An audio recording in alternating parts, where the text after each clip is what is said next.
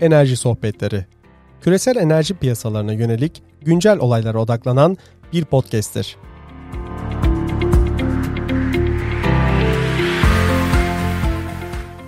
Herkese merhabalar. 13 Şubat 2021 e, Cumartesi gününden sizlere sesleniyoruz. Enerji sohbetlerinin geçmiş, gelecek ve bugünkü enerji haberlerini yorumladığımız ve özellikle de e, önemli haberleri enerji sektöründeki paylaştığımız podcast'imizde bu hafta Barış abi sizlere yeni haberlerini sunuyor olacak diyeyim ve topu Barış abiye atayım. E, Tümay bu haftanın haberlerine geçmeden önce istersen senin çok, seni çok önemli bulduğun kayıttan önce de bizim yaklaşık bir 10-15 dakika tartıştığımız bir ÖTV konusu vardı. İstersen sen oradan başla. Aynen öyle. Şimdi öncelikle tabii ÖTV konusuna gelmeden önce bir rapor hemen Shell e, bu hafta bu elektrikli araç sayısının tabii globalde bakıyoruz küresel anlamda 2100 yılında 4 milyarı bulacağına dair bir aslında bir tahmin yayın, bir forecast ile dair bir rapor yayınladılar. Bu rapordan yola çıkarak tabii ki de ben hemen Türkiye'ye bakıyorum. Türkiye'de de geçtiğimiz günlerde elektrikli otomobillere bir ÖTV'lerine bir zam yapıldığı haberi açıklandı. Bu da %60 olarak belirlendi. Bu tabii şimdi her hepsine %60 demiyoruz. Motor motor güçlerine göre bu vergi oranları değişiyor. Tek tek bu konuya girmeyeceğim ama benim buradaki görüşüm şu abi. Böyle giderse özellikle ÖTV zamlarında da evet küreselde bir şeyler olacak. Bu forecastler tutacak ama Türkiye'de elektrikli araçların ben bu alım gücü içerisinde bu vergi oranları içerisinde yaygınlaşacağını düşünmüyorum diyorum ve senin görüşlerini merak ediyorum. Evet biz Tümay'la tabii e, kayıttan önce uzun uzun konuştuk. E, bu hafta ben fiyatı sorduğumda Renault Zoe alt model 306 bin liraydı. Bu da aşağı yukarı hibrit araçlarla aynı fiyata denk geliyor. Ee, şöyle bir durum vardı. Bu tartışmalı ama şimdi ben elektrikli ve hibrit arabalara çok taraftarım. Benim de hep hibrit aracım oldu. Ben hiç benzin dizel araç değil, hep hibrit araba, arabam oldu. Sahipliğinde baştan beri. Başka bir arabada düşünmüyorum yani dizel veya benzin tarzı düşünmüyorum ama e, bu elektrikli arabalarda mesela indirim yapıyorsun. E, Taycan işte e-Pace alan devlete hiç vergi ödemiyor diyelim. Çok düşük vergi ödüyor. Ama e, e, yani Renault alan, Egea alan, Toyota alan bu adamın ödediği verginin çok daha fazlasını ödüyor. Tam doğrudur, yanlıştır, azdır, yukarıdır. Ama e, şimdi elektrikli arabalardaki ÖTV meselesinde maliye bir düzeltme yapmaya çalışmış. Yani 80 kW'ta biraz düşük ÖTV vermiş. E, ki ÖTV deyince aklıma hep maktu vergi geliyor. Oranlı olmaması gerekiyordu gibi hatırlıyorum ama oranlı vermişti yanılmıyorsam. Ama ÖTV'de diyelim bir oran vermiş. E, bence e, biraz Maliye Bakanlığı elektrikli arabalar anlamında yanlış bir şey yapmış olabilir. Ama diğer taraftan da bence biraz da adaletli bir sistemle bu işin yapılması gerektiğini de onlar da hissediyorlar. Yani e, Porsche Taycan alan işte 100 bin lira vergi ödüyor diyelim. Mercedes E-Suzuki alan 100 bin lira vergi ödüyor. Ama Toyota Corolla alan da e, 120 bin lira mı vergi ödeyecek? Yani bu da doğru değildi. Tamam araba vergilerinin tamamına karşıyız. Biz milletçe zaten pek vergi vermekte aramız iyi değil. Ama bu Amerikalılar için de böyle, İngilizler için de böyle, Almanlar için de böyle. Fakat bu enerji dönüşümünde konuştuğumuz elektrikli arabalar, güneş, güneş teşvikleri, yekdem desteklerinde hep konu nereye geliyor? Adalet konusuna geliyor. Ve e, bu elektrikli arabalardaki ÖTV konusu da aslında biraz bununla alakalı. Bence elektrikli arabalar yayılmaya devam edecek. Ben hala hızların artacağını düşünüyorum ama benim önerim şu. Biz elektrikli arabalarda ana modelleri görmüyoruz. Yani Corolla elektrikli istiyoruz. Passat elektrikli istiyoruz. Ee, Ford e, Mondeo elektrikli istiyoruz. Egea yani, elektrikli istiyoruz. Egea'nın kesinlikle Egea elektrikli istiyoruz. Yani Egea elektrikli bence oyun değiştirici bile olabilir. Ama bu modeller yerine oyuncak oyuncak arabalar gönderiyorlar. İşte ID4'tür, şudur budur diye. Yani şimdi bir Tesla'ya bakıyorsun stratejisine. Bir de ID3, ID4'e bakıyorsun. Tamam satıyor. Zoe de satıyor. Avrupalı mantığında satar. Ama bir Türk'ün mantığında o araba bence satmaz. Yani daha e, Egea elektrikli gibi bir araba lazım Türkiye'ye bence. İnşallah Egea elektrikli olur. İnşallah Türkiye'de üretilir. İşte zaten Ford belirlilerini üretiyor. Bence elektrikli arabanın Türkiye'de çok büyük geleceği var. Ee, ve ben hep aynı sebebi söylüyorum. Sıfırdan yüze 2.6 saniye olan bir elektrikli araba Türkiye'de acayip satar. Kesinlikle. Bizim ülkemizin en önemli faktörlerden biri o yani. Sıfır yüzün. E, bu tabii ki de şeyden dolayı oradaki elektrikli motorun gücünü anında hissedebiliyorsun.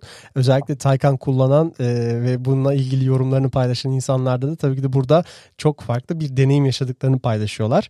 E, konvansiyonel motora benzemiyorlar. Belki insanlara bu gücün tadına varmaları için çok fazla test ya da kiralık araçlar özellikle filoların elektrikli araçlara dönmesi noktasında belki belli teşvikler verilebilir ve bu sayede filolar yaygınlaştıkça insanlar daha fazla elektrikli araba kullanma deneyimini yaşarlar ve kendi kişisel araçlarını da dönüştürmeleri belki daha kolay olabilir. Bu vergilerle olsa bile diye düşünüyorum. Bu da mesela e, bir e, deneyim noktasında işe yarayacağını düşünüyorum abi. Sen ne diyorsun?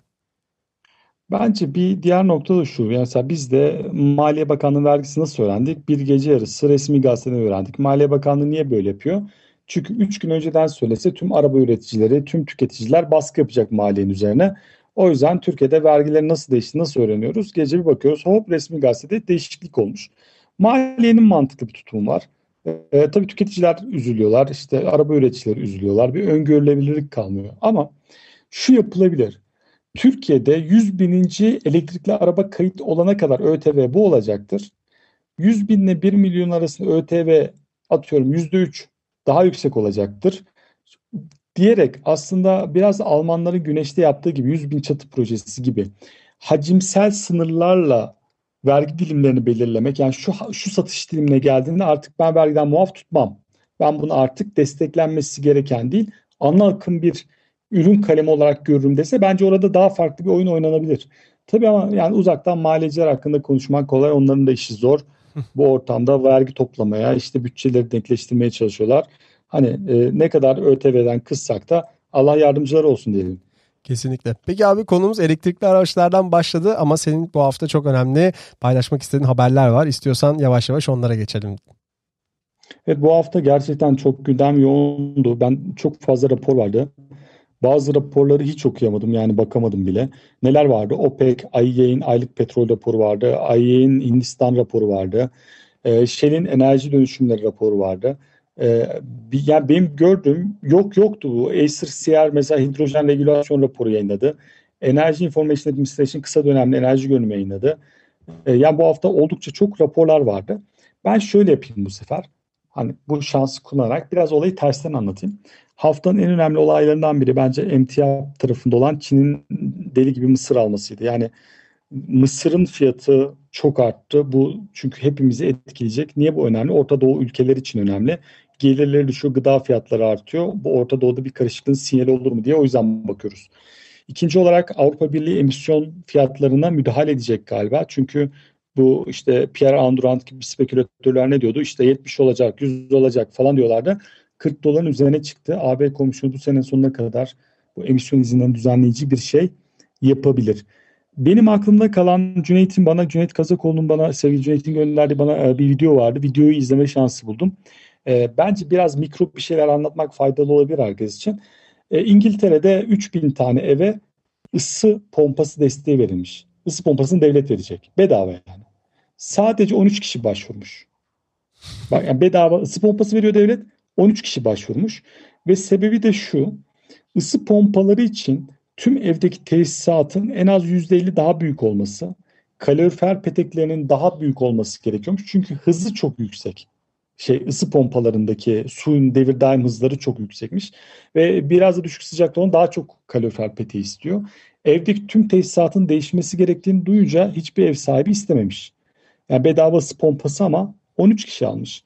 Bu çok ilginç. Biz de kafamızdan Excel'de böyle koyuyoruz. İşte 20 tane pompası konulsa, 40 tane pompası konulsa diye. Ama sahada bu tip Excel modellemelerinin izlerini görmek şöyle çok önemli. İngiltere'de mesela 4 milyar dolar yanılmıyorsam bu sene bu hafta Boris Johnson tarafından yandı. Evlerin e, renovasyonu bu şey için verilen para kullanılmadı. Çünkü kimsenin bir isteği olmadı e, bu isteğin olmamasının altında bu teknik sebepler yatıyor. Yani evlerin renovasyonu, evlerin ısı pompasına geçişi düşündüğümüz kadar kolay olmayabilir. Çünkü mevcuttaki varlıkların e, hepsinin değişme durumu olabilir. Belki burada Biden yönetimin açıkladığı benim takip ettiğim daha mikro konuları biraz anlatayım. E, İklim İnovasyon Çalışma Grubu Perşembe günü kuruldu. Bunlar büyük ihtimalle Biden senatoya şunu getirmek istiyor. Daha önce RPE vardı. RPE şuydu. Devrimsel nitelik teknolojileri destekleyecekler ama yüzlerce proje destekleyecekler. Bir tanesi devrimsel olsa zaten Amerika'nın önünü açıyor diye bakıyorlar. Yani bunların her birinden bir şey çıkacak diye değil. Devrimsel teknolojileri arıyorlar. ARPA-C yani DARPA modeli üzerine kurulu Advanced Research Project Agency'nin Climate planı somutlaşacak. Burada önce karbon nötr inşaat malzemeleri, ucuz pil depolama, karbon hidrojen vesaire diye geçiyor. Şimdi bir diğer bence önemli noktalardan bir tanesi de bu hafta Perşembe günü çok gündem yoğundu. Ee, Koreli iki firmanın e, birbirine yaptığı e, suçlamalar diyeyim. Daha, daha çok LG Chemical'ın SK Innovation'a yaptığı e, suçlama ABD'de Uluslararası Ticaret Komisyonu tarafından karara bağlandı ve iki pil üreticisinden SK Innovation'ın LG Çem'in sırlarını çalmaya çalışmaktan 10 yıl ihracat yasağı kondu. İthalat yasağı kondu. Şimdi bu şöyle bağlıyor. Ford ve Volkswagen SK inovasyondan pil alıyorlar. Şimdi bu durumda Ford ve Volkswagen'e 2 ve 4 yıl Amerika bir istisna sağladı. Ama şu pil rekabetinde SK Innovation çok ağır bir darbe yedi. Gördüğümüz noktalardan bir tanesi bu. Bence bu da önemli noktalardan biriydi. E, Türkiye için belki anlatılması gereken şeylerden bir tanesi. Almanya havaalanlarını kurtaramıyor. 1.1 milyar dolarlık bir kurtarma planı veriyor. Daha önce Lufthansa 9 milyar euro kurtarma yapmıştı. Yetmedi. Alman vergi verenlerin parası uçak ve havaalanlarına deli gibi bakıyor. Yani şu anda 10 milyar doları aştı bu para ve aşmaya da devam ediyor. Burada en önemli belki düşünmemiz gereken şeylerden bir diğeri de bu hafta olan konulardan biri. Gene mikro bir konu anlatayım. Belki raporları sen de değinirsin diye. Hı hı. Ee, MIT'de MIT kaynaklı bir tane girişim e, hidrojen veya e, kömür kullanmadan demir cevherinden demir üretme konusundaki projesini Wired yayınladı. Bu çok ilginçti. Yani ne diyorduk biz? Demir cevherinin içerisindeki oksiti hidrojenle birleştireceğiz. Demir ve su oluşacak. Kömür yerine bunu kullanacağız diyorduk. Ama bu adamlar böyle bir sıvı elektrolitin içerisinde bu direkt demir cevherini başka hiçbir şey kullanmadan direkt demire çeviriyorlar. Bu da benim gördüğüm e, öncü teknolojilerden birkaç tanesi. E, özellikle belki de bir diğer bakmaya çalışabileceğimiz şeylerden biri Carbon Tracker ilginç bir rapor yayınladı. Bu Carbon Tracker ve diğerlerinin raporlarını süper süper ciddiye almamak lazım ama iyi analizleri var. 40 petrol devletin gelecek 20 yılda gelirleri 9 trilyon dolar düşecek diyorlar. Şimdi bu yeşil e, mutabakatın diğer ülkelere ve petrol gaz üreticilerine etkileri konuşulmuştu. Başka şeyler konuşuldu ve bu yeşil dönüşümlerin, bu iklim değişikliği politikalarının çok önemli dönüşümler olacak ve bu hafta bunların etkileri devam ediyor.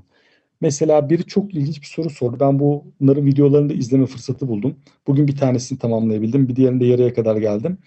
E, diyor ki Hürmüz Boğazı o kadar da diyor stratejik olacak mı? O zaman bu kadar denizlerde gemi yüzdürmeye gerek olacak mı? E, bunlar çok önemli sorular. E, ve biz de açıkçası bilmiyoruz. Fakat enerji dönüşümünün jeopolitik etkisini e, büyük ihtimalle hani ben de yazmak isterim. E, mutlaka düşünülmesi gereken bir yer ve bence çok ilginç doneler var. Mesela Rusya'nın başına ne gelir, Suudi Arabistan'ın başına ne gelir diye. Belki bu haftanın bir diğer önemli olayı da Çin yeni ay tatiline girdi. Ne zaman? 11 Arife'ydi 12'sinde giriyordu. Girdi. E, fakat kısıtlamalar sebebiyle jet yakıt talebinde beklenen iyileşme olmadı. Çin trafiği %37 daha aşağıda, Japonya'nınki de %65 daha aşağıda. E, fakat bir diğer haber geldi. Hindistan'da rafineri yatırımı katlanarak artıyor. Yani petrol iştahı düşündüğü kadar erken bitmiyor olabilir. Bu bence ilginç bir nokta.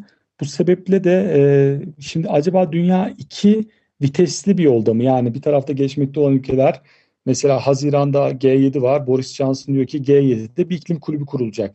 Yani biz kendi aramızda büyük devletler işte sınır karbon vergisi uygulayalım gibi öneri mi getirecek? Ee, ve bunun sonucu olarak dünya aslında biraz ikiye mi bölünecek? Ee, doğa, fosil yakıtlarla büyümesine devam edecek olanlar ama daha yavaş geçecek olanlar ve diğer tarafta e, iklim vergileri vesaire daha devlet yönetimiyle yeşil politikalara geçecek olanlar mı? Shell senaryolarıyla ilgili konuşmak ister misin? Yoksa e, ben de buradan bir özet geçeyim mi? E, şöyle aslında demin bahsettiğin konuya bir haber daha eklemek isterim. Özellikle biyoyakıtlar normalde Lufthansa'dan bahsettiğin zaman aklıma geldi.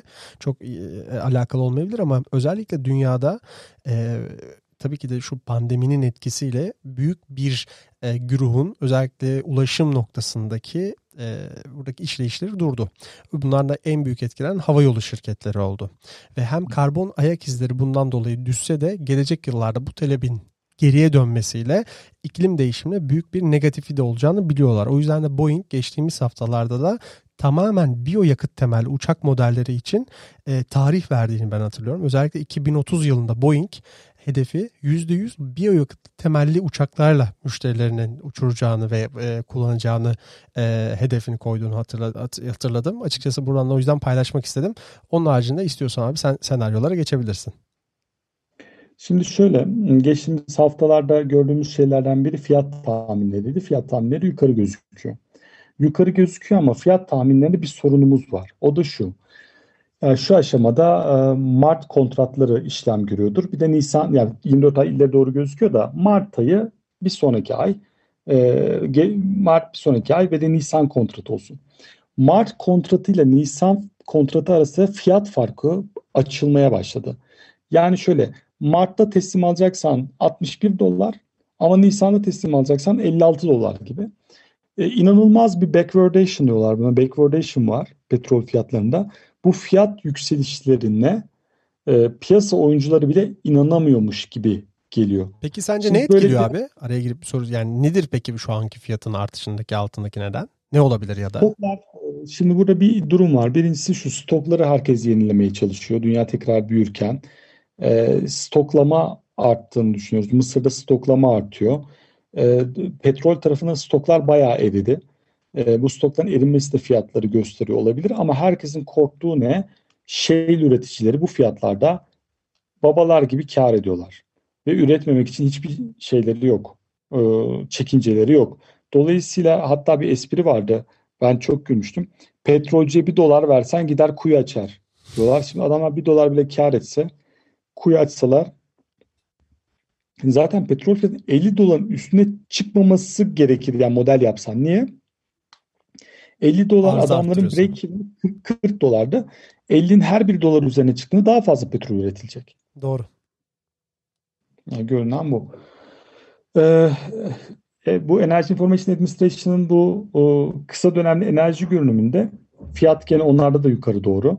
Ee, ve yılın kalanında 52 dolar bölü varil bekliyorlar. E, fakat Trafigara gibi bu enerji ticaret evleri de 70 dolar daha yakın gibi görüyorlar ama diğerleri o kadar böyle Vitolgun var bu kadar böyle 70 olur falan e, demiyorlar. Shell'in enerji dönüşüm senaryolarında benim cuma gün, perşembe günkü notlarımda vardı. E, aslında Shell petrol üretiminin her yıl %1 ila 2 oranında düşeceğini söylüyor. Yani yavaş yavaş petrolden çıkıyor. Shell'in 2030 yılında üretmeyi düşündüğü elektrik miktarı 560 terawatt saat neredeyse Türkiye'nin işte 2017 tüketinin iki misli diyelim. Hani böyle bir durum var. Ee, benim gördüğüm e, bu enerji senaryoları pek çok yerde geliyor. Fakat somut adımları pek görmüyoruz. Bak Total somut adımları attı. Shell de şarj istasyonu alıyor. Hala mevcut iş modeliyle devam ediyor. Doğru. BP biliyorsun e, rüzgar ihalesi aldı. Evet. E, ve çok yüksek bir fiyatla aldı. Ben çok değinmedim buna şundan dolayı. ENBW ve BP'nin bu ihaleleri alması, bu yüksek fiyatla alması e, biraz aslında yürek burkan bir şey. Çünkü petrol şirketlerinin bu kadar majör maliyet hesabı hatası yapması e, bence çok da rasyonel bir şey değil düşünülmesi gerekirse. E, Shell senaryolarının ötesinde belki hava yolları ile ilgili tekrar şunu söylemek gerekebilir. E, insanlar bence 9-11'den sonra uzun süre yani 11 Eylül olaylarından sonra uzun süre hava yoluna geri dönemediler. Şimdi geçtiğimiz hafta konuşmuştuk krizlerin kurumsallaşması diye. Peki e, şimdi Covid işte sabredin sabredin evden çıkmayın işte falan diyorlar. İyi de daha fazla varyant çıkıyor ve daha fazla varyant çıkacağı da ortada. Tamam. Mutasyonlardan zaman, bahsediyorsun. Mutasyonlar, evet, mutasyonlarla. E demek ki bu bitmeyecek. Yani bu grip virüsü gibi farklı farklı varyantlarla yoluna devam edecek. Ve herkes de aşılaman mümkün olmadığından sen sonunda Pfizer CEO'sun dediği gibi belki bununla yaşaman gerekecek görünen. E, o zaman havayolu trafiği bu krizi daha uzun yıllar hissedeceğe geliyoruz. Çünkü uluslararası, e, ha, uluslararası şey zorlaşacak. Yolculuk zorlaşacak. Çünkü sen gittiğinde İtalya'ya girdiğinde sana bakacaklar 100 varyantın hangisi var. Şimdi eskiden neydi? Covid var mı? Yoktu. Şimdi mesela bakacaklar hangi varyanta sahipsin? Hangi mutasyona sahipsin? O zaman demek ki bu havayolu trafiği konusunda bence çok düşünmek gerekiyor. Ee, belki orada da e, şunu söyleyebiliriz. Akımlar birbirinden bağımsız değildir. Hani iklim kulübü kurmak, ondan sonra belki Covid kulübü kurmak gibi daha böyle kapalı uçuş alanları olabilir. IEA petrol piyasası raporunu kısaca söyleyeyim. Ee, bir arz talep dengesi işte böyle devam eder ve kırılgandır dediler. OPEC raporu da benzer çıktı fakat OPEC raporunda 4 Mart'ı bekliyoruz. Suudiler ve Ruslar anlaşacak mı diye. Çünkü Ruslar için 60 dolar çok yüksek bir fiyat. Onlar bence anlaşmaya devam etmek istemeyebilirler ama petrol fiyatlarının düşmesi de istedikleri bir şey değil. Ee, benim aklımda kalan son haberi de paylaşayım ve bitireyim kendi tarafımı. Biden-Harris e, Ulaştırma Bakanı senatörlerle bir araya geldiler. Yani bir partizan bir şey yapıyorlar. Sürdürülebilir bir altyapı tartışması yapacaklar. E, yaptılar. Anladığım kadarıyla ABD'nin önceliklerinden biri ulaştırmayı dönüştürmek. Ve araba şirketlerini dönüştürmek. Çünkü Biden'ın konuşması da çok netti orada. Yani mobilitenin dönüşümü sanki elektriğin dönüşümünün biraz önünde gibi geldi bana. Benim son tespitim de bu. Çok teşekkürler abi. Bu arada ben de e, hatırladığım kadarıyla e, çıkan haberlerde gene enerji ve tabii kaynaklar uzman yardımcılığı giriş sınavı duyurusu yayınlandı diye hatırlıyorum. Belki sen teyit edebilirsin. Bizi dinleyen e, ve bu noktada ilgisini çeken arkadaşlarımız bu uzman yardımcısı pozisyonlarına e, başvuru yapabilirler. Detaylı bilgi için web sitesine mi yönlendirelim? Nasıl yapalım?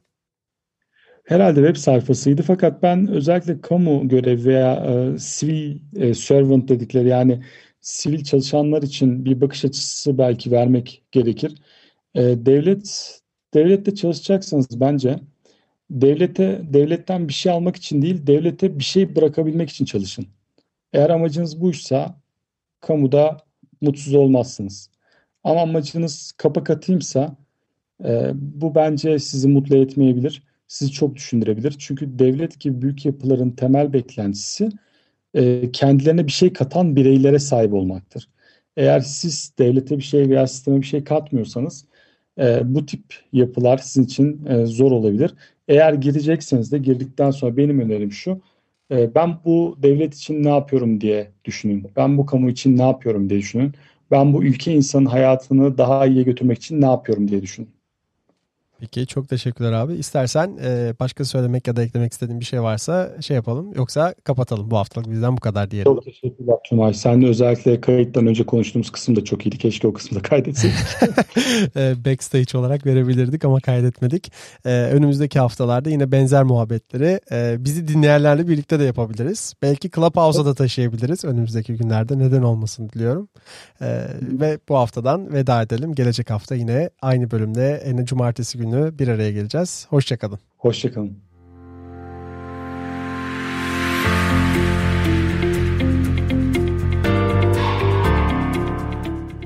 Dinlediğiniz için teşekkür ederiz. Enerji sohbetlerini Anchor, Spotify, Apple ve Google platformlarından takip edebilir, bizlerle iletişime geçebilirsiniz. Bir sonraki bölümde görüşmek dileğiyle. Hoşçakalın.